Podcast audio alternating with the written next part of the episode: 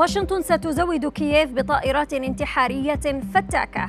امرأة تثير جدلا بطلبها أموالا من زوجها مقابل الحمل. تصريح لمحمد رمضان يثير ضجة واسعة. أبرز أخبار الساعات الأربع والعشرين الماضية في دقيقتين على العربية بودكاست. ضمن حزمة المساعدات العسكرية الأمريكية إلى أوكرانيا أعلن الرئيس جو بايدن أن واشنطن ستقدم 100 نظام جوي تكتيكي غير مأهول لكييف لتسيير هذه الأنظمة أو تثير هذه الأنظمة تساؤلات عدة حول طبيعتها. مسؤولان بالكونغرس أوضحا لشبكة إن بي سي نيوز الأمريكية أن هذه الأنظمة هي عبارة عن طائرات انتحارية بدون طيار من طراز سويتش بليد مشيرين إلى أنها قادرة على حمل صواريخ موجهة متطورة يمكن أن تستهدف بدقة الدبابات الروسية ومواقع المدفعية من على بعد مسافات طويلة.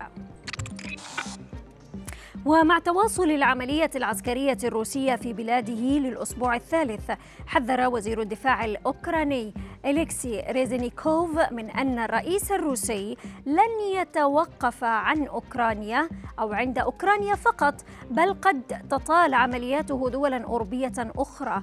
ريزينيكوف دعا إلى تصنيف فلاديمير بوتين مجرم حرب متهما القوات الروسية بقصف المناطق السكنية وغلق الممرات الإنسانية ومنع عبور المدنيين.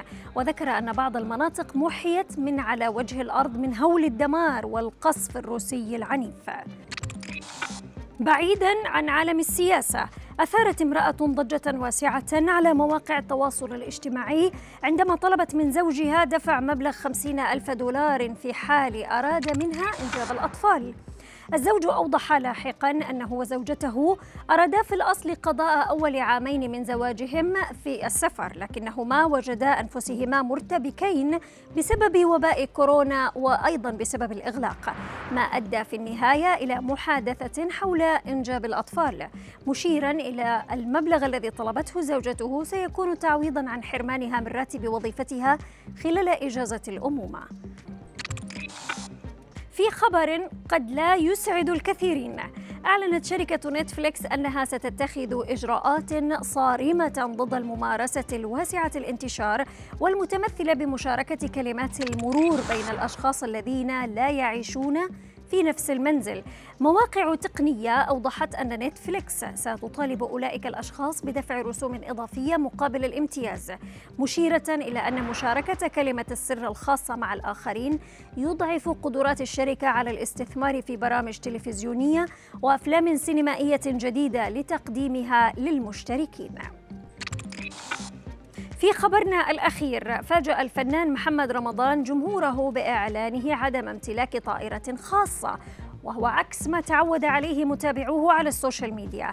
من فيديوهات عديدة تظهر تباهيه بالطائرات الخاصة والسيارات الفارهة.